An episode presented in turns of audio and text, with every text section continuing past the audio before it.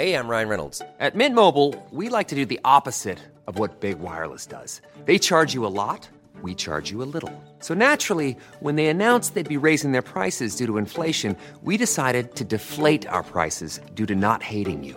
That's right. We're cutting the price of Mint Unlimited from $30 a month to just $15 a month. Give it a try at mintmobile.com slash switch. $45 upfront for three months plus taxes and fees. Promo rate for new customers for limited time. Unlimited more than 40 gigabytes per month. Slows. Full terms at mintmobile.com.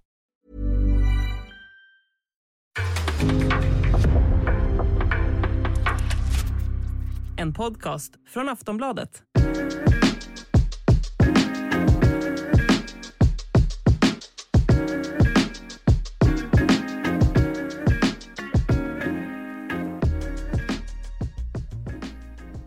Allsvenska podden är tillbaka och idag är det Per Boman som är här, Linn Nordström och jag Daniel Kristoffersson. Vi har en omgång och avhandla. Vi börjar direkt med eh, ni var på plats på Hammarbys överkörning av Varberg får man säga. 5-1. Vad är era intryck därifrån? Börja du Linn. Ja det var ju precis som du säger en, eh, en riktig eh, överkörning. Det förstod man ju redan efter eh, fem minuter när de eh, körde sin eh, monumentala forcering över eh, ett stackars Varberg som ändå, eh, säger de efteråt, var förberedda på att Hammarby skulle gå ut och eh, ge allt ifrån början men så såg det ju inte ut. Och när de sen fick hål på dem tidigt så började man ju titta på varandra och tänkte vad, vad fan ska det här sluta någonstans? Men eh, Nej, det är ju ett eh, Hammarby som har eh, knutit näven i, eh, i fickan och som vann första gången sedan 22 augusti och eh, lagkapten Darijan Bojanic vågar äntligen skjuta och eh, det är ju det som kommer krävas om Hammarby ska klättra i tabellen. Att man går rent, att man vågar och visar att eh, nej, nu, nu är det dags eh, att eh, prestera på den nivån som de kan. Sen tycker jag de var bra både mot Malmö och Häcken också, men det här var ju någonting annat och mot ett annat motstånd också.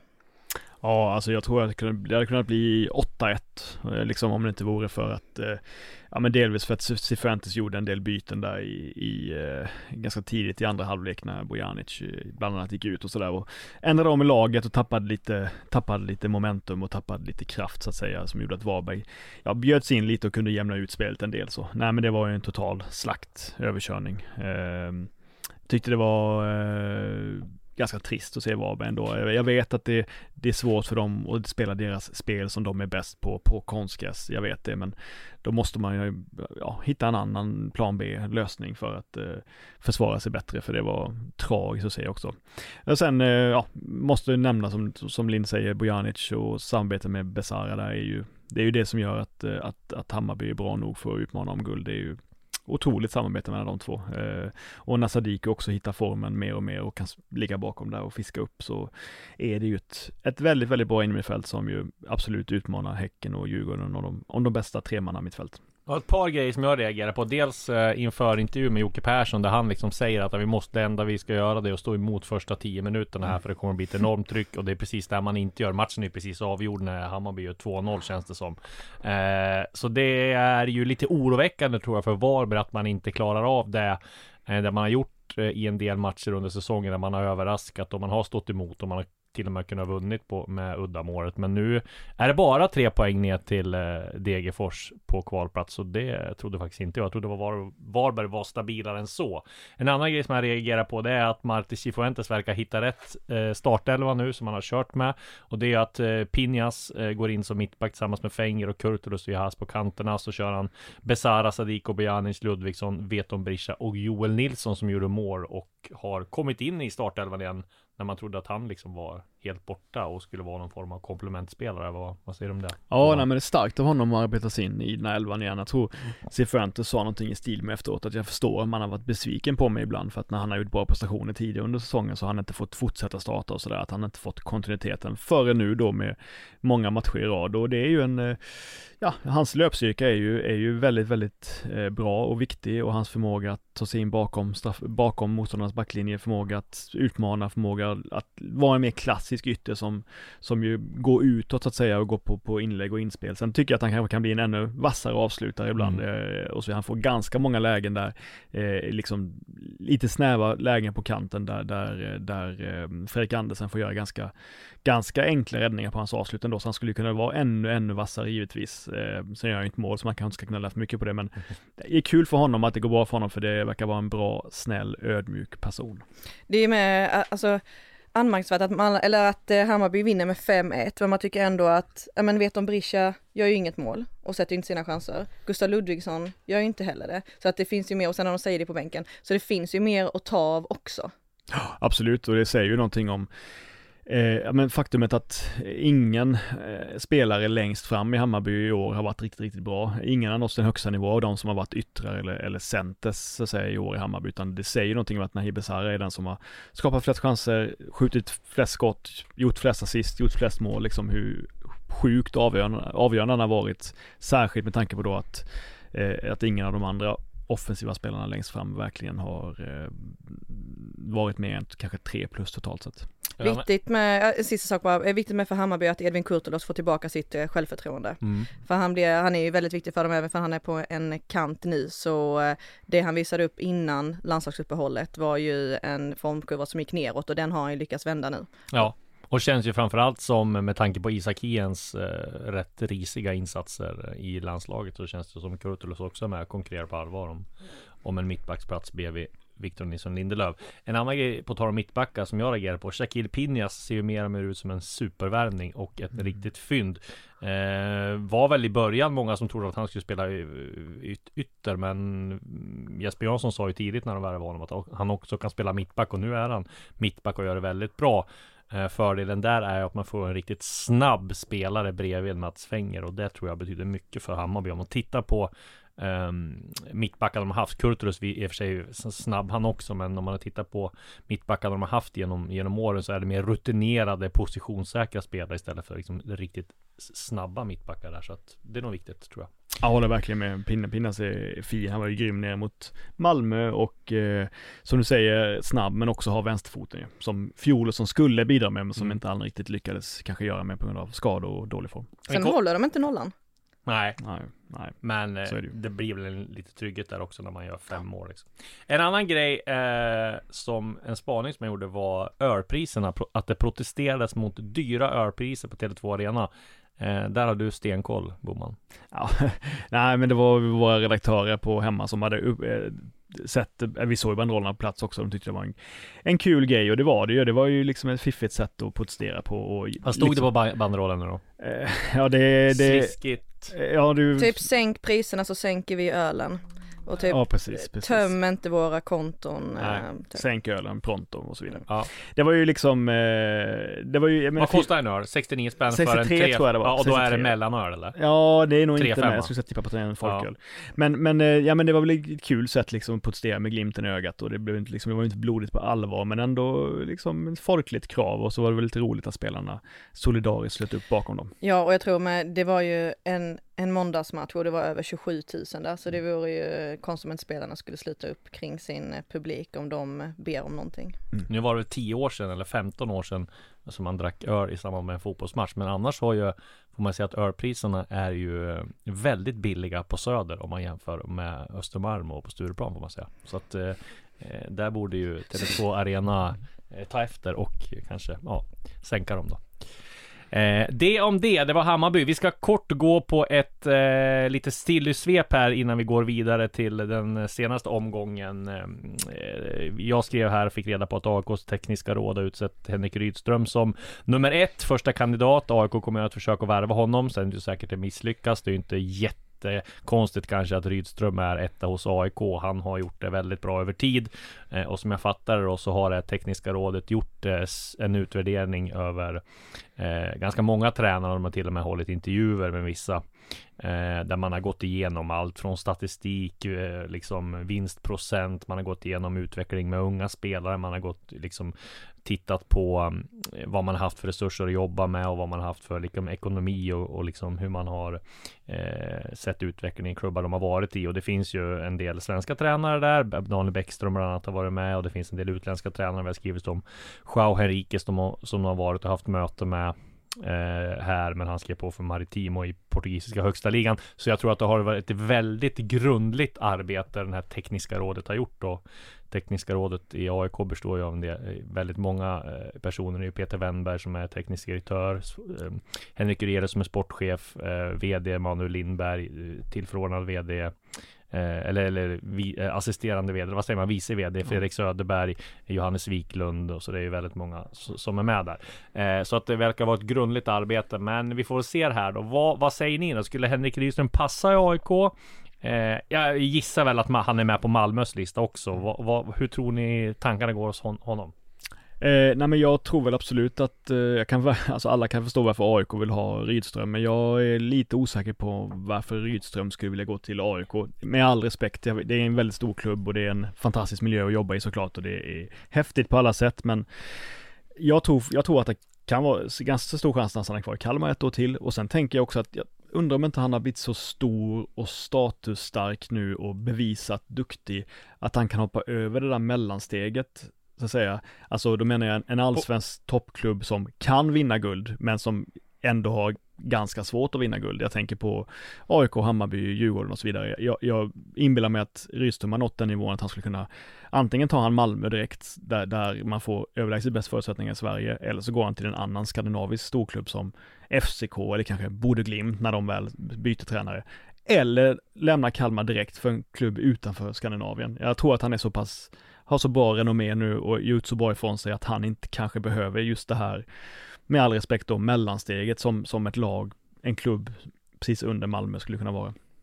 Jag tror han lockas jättemycket av utmaningen i AIK ändå. Jag tror det är svårt att, eh, att se ifrån vad det skulle göra och att komma till AIK och eh, vinna ett SM-guld med dem. Jag tror inte att han, jag, jag, vet inte, jag tror bara inte att han stannar kvar i Kalmar i en säsong till. Inte att han inte skulle våga det, för de hade säkert presterat jättebra nästa säsong också, men det är för mycket som kan, som kan ske i en så pass eh, ja, mellanstor klubb. Mm. Så att det, jag tror att eh, att han kommer lämna och jag hoppas ju att han är kvar i svensk fotboll för att det är väldigt roligt att ha honom i allsvenskan. Och om han skulle passa i AIK, det är svårt att säga emot det här tekniska rådet. Men det, det tror jag ju, alltså det är en jättepress.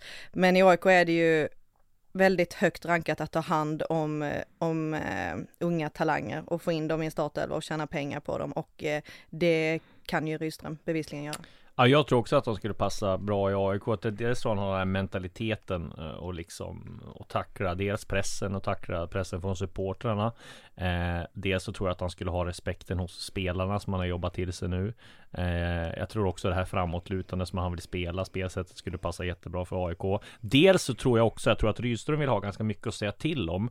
Eh, så det som skulle tala för AIK då istället för Malmö, det är att Malmö har en väldigt stark sportchef i, i Daniel Andersson som jag tror att där skulle han kanske inte få så mycket att säga till om när det gäller värvningar och så. Där tror jag att man skulle kunna eh, göra i AIK. Man ska säga att Jurelius är en svagare sportchef så, alltså inte i, i, no, i någon dålig bemärkelse, men äh, just att eh, där har, såg vi ändå när Bartos var tränare, så vi, kanske inte föll väl ut, att han fick igenom sina värvningar, Kimpioka och eh, Elbo Seider, som kanske inte var så bra, men där finns det ändå en annan, tror jag. Det är klart att Daniel Andersson lyssnar på sina tränare också, men jag tror att det finns en, en mer styrning i Malmö. Sen kanske det är också, vet jag inte hur det Rydström tänker, det kanske är bättre att komma till en sån klubb i början, där man har liksom lite mer i hierarki och så, men, men ja, jag tror Rydström skulle passa perfekt. Sen vet jag inte hur han tänker. Han har ju en, en ledarstab också där de är ett ganska bra kompisgäng med Stefan Larsson. Du har Tobbe Eriksson som är, som är eh, chefscout, eh, Rasmus Elm och sådär. Så jag tror att Donald var målvaktstränare. Ja, precis. Jag tror att det, där är också hur man gör. Men, men, men sen är det här det jag tänker på. Eh, om jag hade varit Rydström så tror jag tänker på att har han inte kommit till, till liksom Går att ta det här Kalmar så mycket längre eh, det, kom, eh, det är klart att det skulle vara fantastiskt om man kom trea och skulle få kvala till Europa Men är det så kul med Kalmar? Det är klart att det blir ett äventyr Men är det kul att spela mot Ventsepillis och åka ut i andra eh, omgången eh, jag tror att det inte finns så mycket mer att hämta hos Rydström i Kalmar, vilket han kanske känner har helt andra klubbkänslor och så och tycker att det är helt fantastiskt att vara kvar där. Men jag tror att eh, det är klart han jag tror han lockas av, av AIK eller Malmö såklart. Men det blir spännande att se eh, om de lyckas. Men om han, eh, om han kommer till AIK, kommer han då med det här entouraget eller får Goitom plats då? Jag vet ju att AIK vill ha kvar honom som assisterande Men det är klart att om de väljer Rydström då Det brukar ju vara så att tränarna får ta med sig sina egna assisterande Så är det ju eh, Ja, jag tror att han, eh, jag tror att han är flexibel. Jag menar, han, han behöll ju egentligen ingen av sina, de han jobbade med i Sirius, som han tyckte om väldigt mycket när han gick till Kalmar. Så Nej, jag tror precis. att han kan vara ganska flexibel. Men jag tror att, jag tror att det är större chans att han blir kvar i Kalmar än att han går till AIK. Och mm. tror jag, alltså jag tror att han faktiskt, om jag får gissa. Spännande, det här kommer vi få prata mm. mer om och det blir eh, en spännande följetong för det. Malmö ska ha ny tränare, AIK ska ha ny tränare. Eh, sen vet vi inte hur det blir med Brännström i Mjällby heller. Det är, eh, kommer vara bra rullians på tränarposterna. Men klart är i alla fall att både Malmö och AIK gör ju ett grundligt jobb nu med kandidater med tanke på tiden det har tagit och liksom att man vill att man ska träffa rätt den här gången. Så att ja, det blir eh, spännande att följa. Det om det. Vi har också Adrian von Heine som jag skrev om här som är utsedd till ny chefscout i Odense. Eh, Björn Westström, tidigare klubbdirektör i eh, AI, eller tidigare sportchef i AIK och eh, Andreas Alm som är huvudtränare där tar dit honom. Eh, vad säger vi om det? Han lämnar alltså Sirius. Mm. Och det jag noterade, det var att när Sirius kommunicerade det här så fick Adrian von Heide inget tack, det var inget lycka till så att jag tolkade in det så, jag har ingen, ingen aning, men jag tolkade in det så att det var kanske lite sura miner från Sirius att han bryter upp och går till Rodens. Men eh, vad säger vi om den rekryteringen? Eh, nej men det jag tänker på med, med Adrian då, det är ju att jag, jag upplever att han är liksom, du vet, alltså extremt driven alltså. För att ja. jag, jag har minst då nästan att han drivs av blint raseri liksom. För jag var på någon AIK-match i... Han ser inte ut att drivas av det om man tittar på honom. Nej, men jag tänkte på, för i, vår, i våras så eh, när AIK tog emot Sirius så, så satt han eh, och eh, Sirius assisterande tränare Theodor bakom oss på pressläktaren. Eh, och den här von Heine då, jävla vilket liv han, han mm. förde liksom. Han stampade marken och han skrek på domaren och han liksom lät som ja, men som en ståplatssupporter fast från pressläktaren och sagt, satt också precis bredvid AIK-publiken. Så jag tänkte, jag vände mig och tittade, vad fan är det som pågår? För det blev liksom, det blev, upp, det blev upprorsstämning bland AIK-arna runt omkring honom för att han levde ju fan liksom och levde sin i matchen och skrek på domaren och var liksom härligt! Ja, extremt vild liksom och jag trodde han skulle få stryk nästan av, av, av, av, av supportrarna omkring. Undrar vem fan är det som vågar komma hit liksom? Vem i motståndarnas klubbfärg, alltså en ledare vågar komma hit och, och ha den attityden liksom. Så jag tänkte, det var ett tag var det liksom vakter som skyddade honom när han skulle gå ner liksom i omklädningsrummet i, i pausen. Så jag tyckte det var, nej det sa någonting om hans personlighet då tänkte jag så att, eh, mm, han eh, förvånar mig inte att han, att han, eh, att han letar och får toppjobb. Nej, och det är ju eh, tungt för svensk fotboll för det här var ju ett eh, upcoming namn får man säga. Eh, analys och eh, med hans analys och chefscoutsarbete så det är klart att eh, det känns som Odessa har gjort en ruskigt bra värvning här och det är ju såklart flera steg upp i i eh, näringskedjan här komma till Odense och göra sitt namn där som 25-åring liksom det Nej, det tror jag är, eh, det var för, för bra för att tacka nej till, tror jag, för från Heine. Så får vi se vilka rekryteringar han kommer göra där till den danska eh, klubben.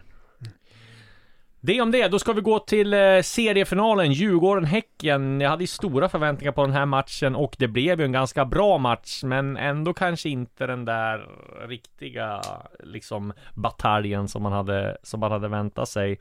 Eh, en magisk eh, Samuel Gustafssons Gustafsson får man säga och Häcken vann med 1-0. Vad är dina intryck Linn från den matchen? Ja, det är ju inget bra betyg när man behöver tänka tillbaka Nej, på precis. vad man egentligen såg. Men det var ju ett eh, otroligt eh, bra Häcken. Mm som man, hade jag eh, varit Djurgårdsspelare så hade jag blivit så frustrerad och så arg för att det spelade ju ingen roll vad Djurgården gjorde eller vad de plockade fram ur eh, den här lilla trollerihatten för att eh, Häcken hade ju en lösning på allting.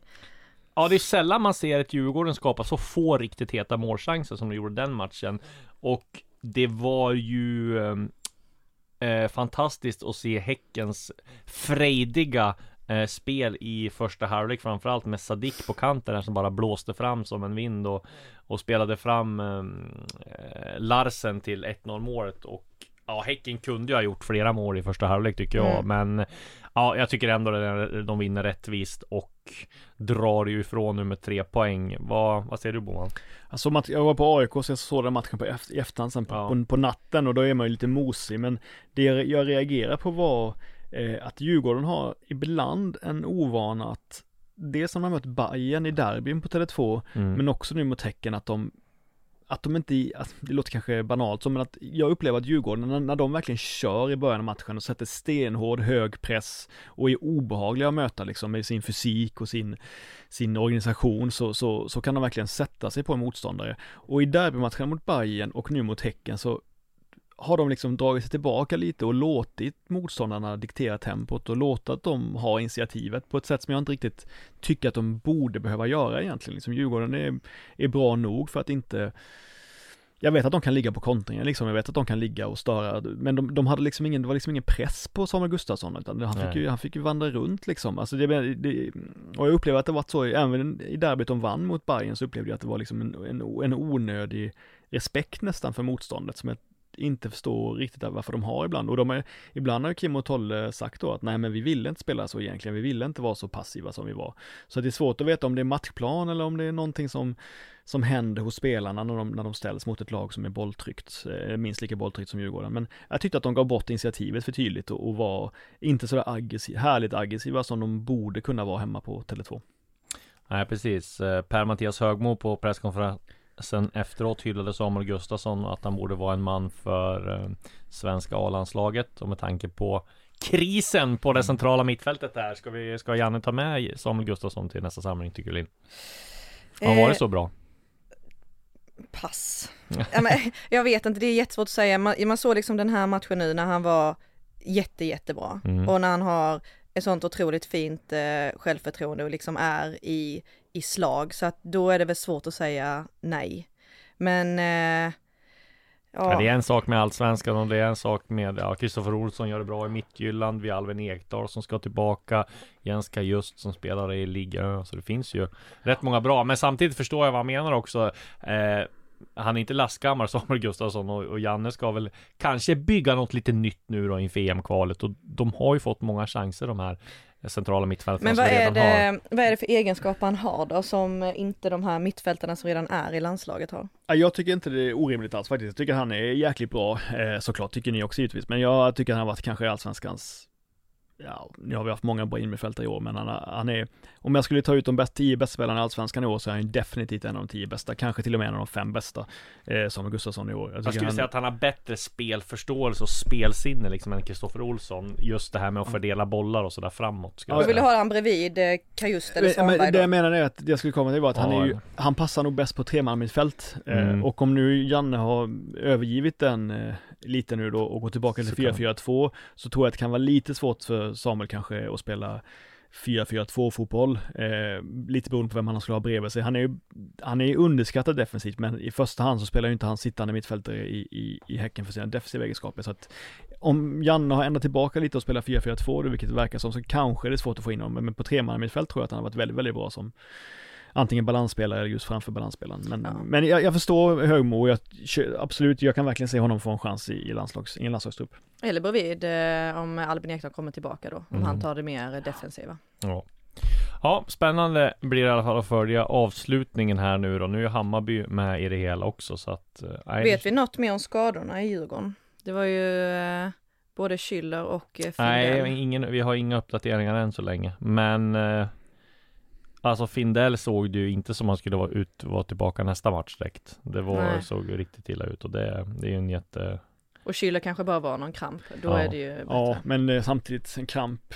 Eh, ja, men det, så, om det är en bristning så. Jag har ju, Ja, nyligen, det fått, jag har ju nyligen fått en liten bristning så jag vet ju att. eh, Hur det länge blir du borta då? Ja men det är nu var ju goda tre veckor sedan det hände. Ja, Jag är okej. fortfarande, fortfarande skakig. Nu kan jag inte göra samma grundfysik som Rasmus Schüller. Men Nej, det, Ja, det tror jag. men, men, det, men det högg ju verkligen till igen där sommaren så att, eh, ja, jag tycker det är så, jag tyckte det så obehagligt ut. Findell gick ju ut genom eh, mixade zonen själv och gjorde ju intervjuer, men det är oftast om man har fått en hjärnskakning så är ju den natten efter väldigt avgörande och hur Ja. han mår när han vaknar dagen efter. Så det är svårt, det är svårt att säga. Han hade ju säkert fortfarande lite adrenalin kvar också i kroppen eh, när han eh, mötte oss efter matchen. Hey everyone, I've been on the go recently Phoenix, Kansas City, Chicago. If you're like me and have a home but aren't always at home, you have an Airbnb. Hosting your home or a spare room is a very practical side hustle. If you live in a big game town, you can Airbnb your place for fans to stay in. Your home might be worth more than you think. Find out how much at airbnb.com/slash host.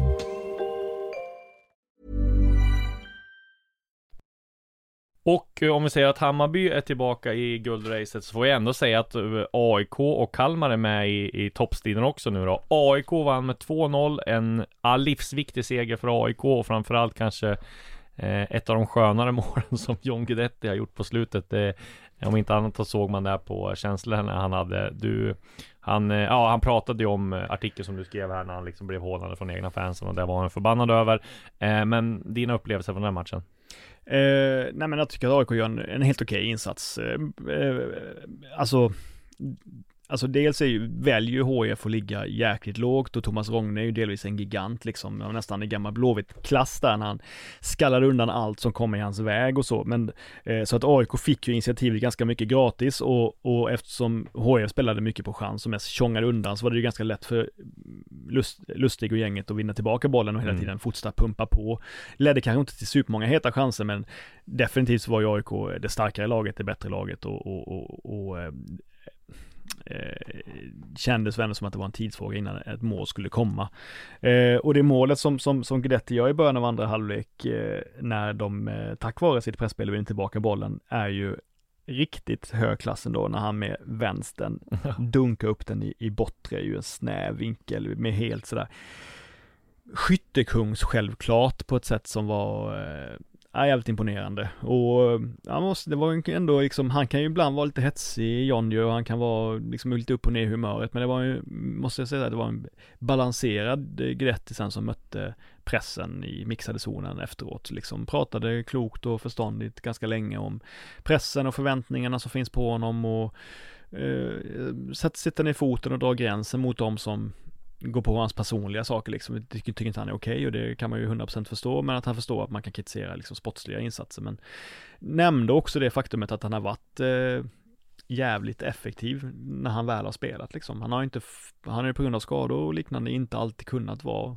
på planen och ibland bara fått hoppa in och så, men nämnde själv då att under, sen han kom i somras så har han egentligen bara missat en enda stor chans, menar han. Och när jag tittar tillbaka på honom, gick igenom Instat och kollade igenom allting han har gjort och får ge honom rätt liksom. Det är väldigt, väldigt få chanser han har missat och han, när han väl har fått ett öppet läge då har han ju smält dit dem med, det sa vi ju senaste gången jag var med i podden här i frågestunden, att han har ju gjort klassavslut varje gång han har fått chansen. Målen han har gjort har ju varit hållit så här 4 plus nivå minst varje gång nästan så att eh, Nej, det är klart att eh, som, som vi har sagt tidigare att eh, det kommer bli väldigt bra när han är helt skadefri och det är redan nu bra egentligen. Sen är det lätt eh, för honom att stå och eh, svara bra och långt när man har vunnit Så på. Friends och gjort eh, mål. Eh, för när de förlorade mot Sirius så gick han ju bara rakt igenom. Så, så är det. Så att, eh, ja men eh, eh, Boman måste han vara arg och irriterad för att prestera? Känns som att det är den eh, sista gnistan om han nu då spelar med smärta och att han tycker att han har fått eh, oförtjänt mycket kritik för att han ändå har varit effektiv. Och är ju då irriterad på vissa supportrar som han vill dra gränsen mot. Jag tror att, eh, jag tror att han, jag tror, jag tror att han gärna hade varit utan den typen av eh, skit som han fick från egna supportrar, absolut. Men samtidigt kan jag förstå vad du menar. Han är nog absolut en sån som eh, får bränsle av eh, kritik i allmänhet liksom. Eh, alltså att han eh, kan, han kan sitta och, och, och äggas av det och sen, och sen liksom eh, explodera på grund av, av, det, av det bränslet liksom. Eh, absolut lite Zlatan-aktigt på det sättet givetvis. Men, men eh, nej, men, men i grunden så eh, så vill han nog känna kärlek mest av allt tror jag. Vad tänker du kring derbyt? Att de får vara glada att de eh, slapp, eh, trots en tuff gräsmatch då mot, eh, mot ett, ett hårt slitande, ganska solidariskt HIF med mycket närkamper så slapp de ju jobbiga gula kort. Och det är ju väldigt viktigt för, för AIK. Eh, vad jag tror om derbyt, jag tror att det blir kryss i derbyt.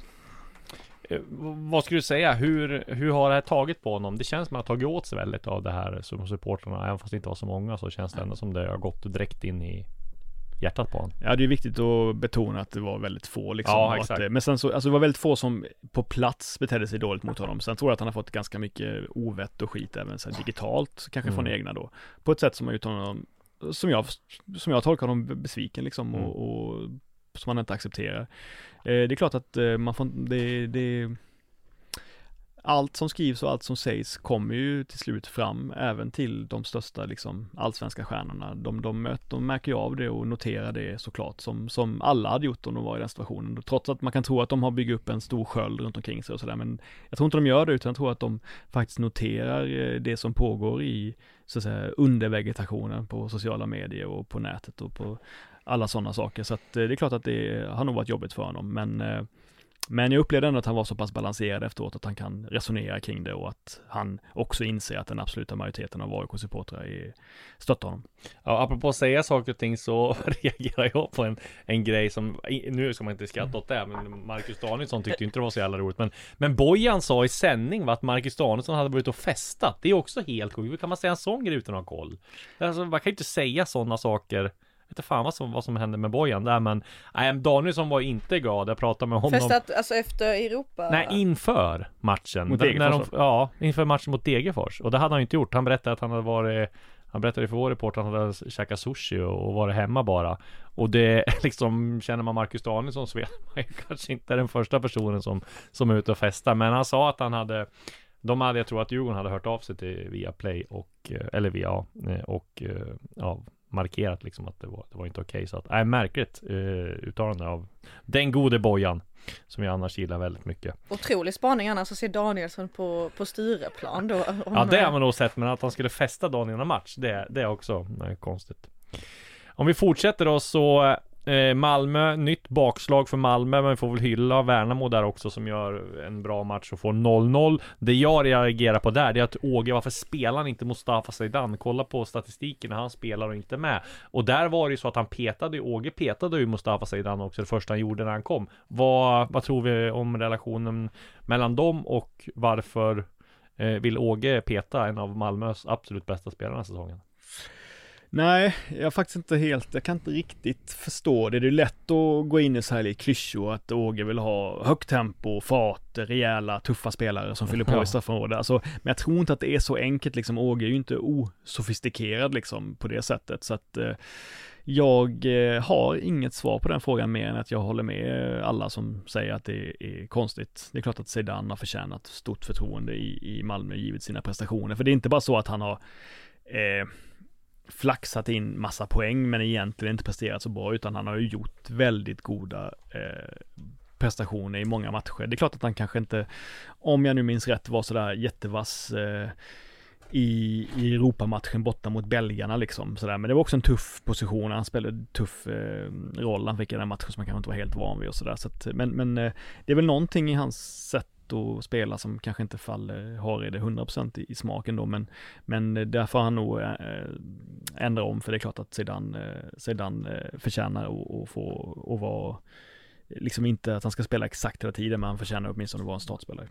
Men Malmö är nere på en sjätte plats Precis, det var det jag skulle- komma till Linn. Malmö är alltså sexa eh, med 42 poäng. De har två poäng upp till AIK och Kalmar på 44. Sen har de ytterligare fyra poäng upp till Hammarby på tredje plats. Jag har många eh, kompisar som är Malmö-supportrar och de är minst sagt bedrövade över Malmös säsong. Det är nästan så att de orkar inte titta för de tycker de är så, så dålig. Eh, jag är väl inte, ja det är klart att Malmö har varit dåligt, men här kan man ju också ifrågasätta om man tittar på poängskörden med eh, den Milos tog och den som Åge nu har tagit, det har inte blivit något bättre, snarare har det gått bakåt. Eh, och man får ändå säga att trots det här Europa-avancemanget där de kanske inte har gjort sina, något bra heller, så det är ju en, går ju mot en fiaskosäsong för Malmö, eller vad säger du Linn? Ja, och det var man, alltså när eh, de blir utbuade där i, i solskenet i Malmö, det är ju scener som man inte har sett många gånger. Och när Anders Christiansen sätter sig ner liksom på, på ett knä och bara begraver eh, Mm. ansiktet i, i händerna och är helt bedrövad och Martin Olsson säger efteråt, vi sätter varandra i skiten. Vi kan inte spela från försvar till mittfält, vi kan spela från mittfält upp till anfall. Vi eh, förstör bara för varandra. Det känns som att eh, luften verkligen har gått ur Malmö. Jag, den lilla eh, injektionen av energi som man fick när Åge kom in. Det känns som att den har liksom runnit ut i, eh, Ja, i den var blodet väldigt kortvarig i alla fall. det var som lite som ett tomtebloss kanske. Ja. Men det är ju det, det är ju också det här med att det är svårt liksom att värdera Malmö ibland, för jag var ju, jag var ju imponerad av insatsen de gör hemma mot Union liksom. Eh, tyckte det var jäkligt starkt och det var lite gamla Europa-Malmö och tänkte att nu kanske de är på gång igen och sådär och sen så Alltså det är ingen total plattmatch mot Värnamo, den är bättre än många andra. Så här, för att vara en dålig insats var det bättre än de andra dåliga insatserna under året och de skapar ändå tillräckligt mycket lägen för att vinna liksom. Eh, och Christiansen får ta på sig en hel del att han inte han kan få sätta in bollen i mål och det finns en, eh, finns något in- intressant med Ceesay och det sjuka övertaget han har på sin kant och, och, och hur mycket chanser som skapas från hans, från hans sida, även, även för han då är är fortfarande är, är, är oskarp i på sista tredjedelen. Men det är liksom, det, den här insatsen mot Värnamo tycker inte jag var sådär svinigt dålig, men, men i relation till att, att de har gjort, gjort en besviken så många gånger under året så, så totalt sett så är det ju redan nu en eh, stor fiaskosäsong, absolut, det tycker Mm. Åge säger att de saknar alltså teknisk eh, kvalitet i sista tredjedelen. Det När de trodde man ju inte att Malmö Nej, skulle Det är det jag menar och, när han, och han sa bland annat det som du säger då när de kommer runt så fint på kanterna och sen får in bollen. Att de inte har någon kvalitet i boxen. Nej exakt, jag skulle tippa på att han med, även för Christiansen och de centralt missade en del chanser så, och, och så, så tror jag att han menar att Ceesay tar många felbeslut. Alltså han är ju otrolig och har varit det hela sedan han kom på, på att skapa sig ett överläge på kanten och hitta den här fria ytan bakom och löpa in och, och är ju, tycker jag, ett fantastiskt anfallsvapen på det sättet och, och då kanske man får acceptera att han än så länge inte har eh, den här 100% tekniska förmågan i att, eh, och, och kylan att hitta rätt sen på sista tredjedelen, utan det kan han få jobba fram lite under en period, under period. men, men det, men det, det jag tyckte det var kanske att det var lite otur också att det inte ledde till något mål i den här matchen. Eh, det, det, det, jag är ändå i totalt sett mycket imponerad av, av Ceesay faktiskt, eh, även fall det då inte ledde till något mål just i den här matchen. När vi är ändå inne på fiaskon då, IFK Norrköping släpper in eh, 2-2 i eh, sista sekunden mot Mjällby och eh, vad jag har sett av Norrköping sen Glenn Riddersholm tog över så ser liksom inget som pekar på att de har varit rätt tränare. De har vunnit, gjort en bra match mot GIF Sundsvall men sen har det sett väldigt platt ut med ett rätt bra, med ett mycket bra spelarmaterial. Så att eh, där sätter jag ett stort frågetecken för IFK Norrköping. Eh, samma eh, sak när vi är inne på fiaskon så får vi säga att IFK Göteborg är inne i en ruskig formsvacka. Nu kom det återigen en förlust den här gången mot GIF Sundsvall som är solklar jumbo. Det är ofattbart eh, att IFK Göteborg inte kan göra en bättre insats. Eh, och där får man säga att Marcus Berg var ju avstängd och återigen så visar han sin betydelse. Men nej, mycket svagt att de inte får till det bättre. Vad säger vi om IFK Göteborg och Norrköping? Eh, Ja, jag... Börjar ja, du? Börjar du? Nej men jag, eh, jag tittade lite på, eh, på Norrköping, eh, Mjällby. Och det här första målet då som, som Nyman gör, det ska ju såklart Mjällby ha bättre koll på. Det finns ju en spelare som gör sådana nickmål och en Mm. annan spelare som gör sådana inlägg och det är ju Levi då till Nyman. Så att det var ju, där gick de ju bort sig och sen så gör ju Norrköping en, ja men en, en helt okej insats och blev väl bekväma i sin 2-0 ledning och eh, Mjällby Alltså får man in ett sånt mål som de får, då börjar ju Agardius skarva i den bollen så det blir ju inte offside. Och sen så blir det 2-1 och sen, sen kan ju liksom allting hända. Men att man släpper in ett mål när man också är en man mer, Mjällby fick ju ett rött, eh, fick ju ett rött kort. Eh, är ju såklart inte acceptabelt. Och eh, jobbigt för Hammarby också att Mjällby får med sig den här poängen och eh, självförtroende till eh, när Hammarby kommer till, eh, till Strandvallen på söndag. Det, ja, det, alltså det, det, jag det jag tänker kring för Norrköping det är att ah, delvis har jag känt lite att, eh, jag ska absolut inte döma ut honom än, det är för tidigt, men att eh, Riddersholm då, att det är lite som att han jobbar nästan lika mycket på sitt egna varumärke som på Norrköping liksom, liksom. Han är så jävla taggad på, på att vara en person lite i den här serien, får jag en känsla av utan att veta. Och jag upplever att han är så han är jävligt taggad på Norrköping och sig själv och på, på, på att liksom få en tränarrevansch, men det upplever liksom, känslan är lite då utifrån att spelarna kanske inte är lika taggade liksom. Man får, man får lite känslan av att det är, och då säger jag än en gång att jag inte vet, men man får liksom lite känslan att det är många som vill bort och det är inte så många som vill vara kvar.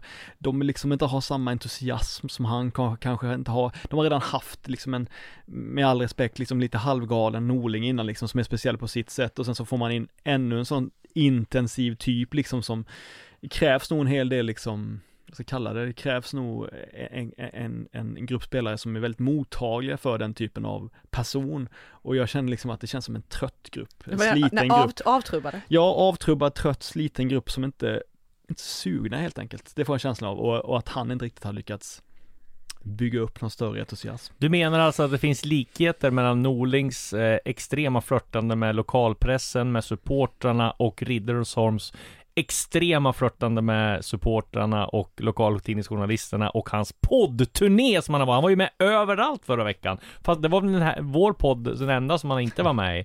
Det känns också lite som han, eh, precis som du säger, att det är lite hans egna varumärke som, som eh, han vill bygga upp där. Men Nej, jag håller ju med och jag tror att han får ett jättejobb. Framförallt tror jag att sportchefen Tony Mattisson får ett jättejobb, jättejobb. Nu hörde jag att Binako och Agardius inte får förlängt, vilket inte är så konstigt. De har ju inte lyckats. Agardius pratat om en skitsäsong. De förlänger Visioff med, eh, med talangen Fritiof eh, Hektelius eh, här. Och sen så Nej, jag har ju svårt att se att Linus Wahlqvist inte ska säljas i vinter. Hans kontrakt går ut i sommar och han kommer inte förlänga där känns det som.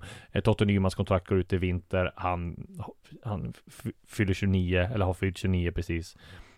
Eh, eller om han är 30, ja skitsamma. Men han är väl den åldern när han ska ta ett sista utlandsäventyr. Så där kommer ju eh, de få ett jättejobb, eh, Norrköping tror jag. Så att det blir spännande att se vad de hittar på om Riddersholm kan trolla.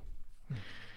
Eh, ja men så var det med det. Är det något annat vi tänker på så här? En spaning som jag hade var Rydströms uttalande om Kalmar att de är Djokovic. De kan vinna på vilket underlag som helst och att eh, de inte är Nadal och Federer som har specialiserats på, på gräs och grus. Ja men det är intressant. Alltså jag upplever ju att, jag menar, Guldfågeln var ju piss eh, faktiskt förra året. Riktigt dåligt gräs i, stor, i stora, eh, i, under långa perioder och ändå lyckades de spela sin possession fotboll, sin, sin liksom kontrollfotboll på det underlaget tyckte jag var tycker jag var helt imponerande och även jag tänker på tillbaka till matchpremiären i år när man lite oturligt förlorar mot Malmö med 1-0 efter ett Erik Larsson inlägg var till en Isak Kiestelinic så, så var det liksom, då var det Romario och Kalle Gustafsson som kunde spela jävligt fin, nätt fotboll på en leråker samtidigt som som Malmö FFs stjärnor inte klarade av det alls liksom. Och jag, det, det, på, på det sättet har han rätt. Jag tycker de kan spela sin fotboll oavsett underlag egentligen. Och, eh, så att ja, jag håller med.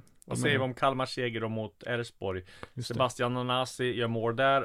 Undrar om han hade förväntat sig att Kalmar skulle ligga eh, två poäng före Malmö FF när han blev utlånad därifrån.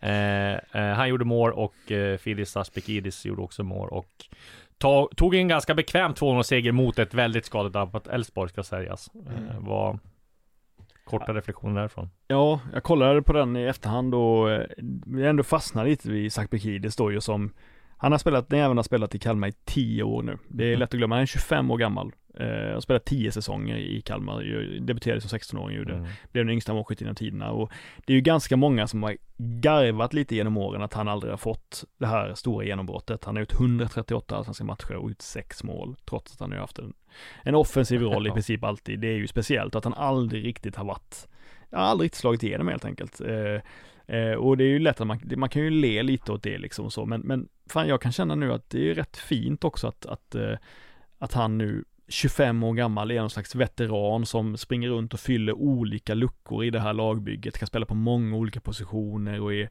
nyttig liksom. Och nu spelar han center mot Elfsborg. Jag kollade igenom alla hans prestationer och han är det är typiskt Rydström att vilja ha någon sån klok, mångsidig spelare som falsk nia. Han är snabb, han kan spela targetspel bra, hålla uppe bollen, han länkspelar på ett bra sätt, många kloka lösningar, tog en del frisparkar så de fick vila med bollen och börja om och sådär så att jag tycker man får, eller liksom här, jag menar det, det, han har nog fått en hel del skit och, och, och känt en stor press genom, år, genom året att han har varit supertalangen liksom som aldrig riktigt fått det här genombrottet. Men som sagt, det behöver inte vara så illa heller att vara en, en viktig lagspelare och, och truppspelare i ett bra Kalmar heller. Så att eh, kul för honom att han, att han fick liksom lite, ja men lite rubrik också. Och Nanasi är ju mallen i hur en spelare ska hantera en utlåning. Mm. Eh, det är alltid kul att se honom spela och eh, framförallt väldigt kul att se en så ung spelare hantera att eh, gå från, eh, från ett eh, så stort lag som Malmö till Kalmar och göra det så bra.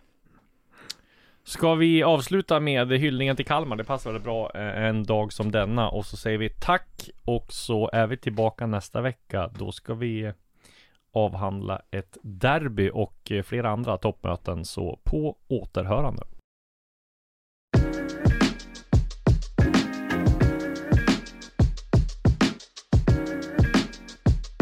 Du har lyssnat på en podcast från Aftonbladet. Ansvarig utgivare är Lena K Samuelsson.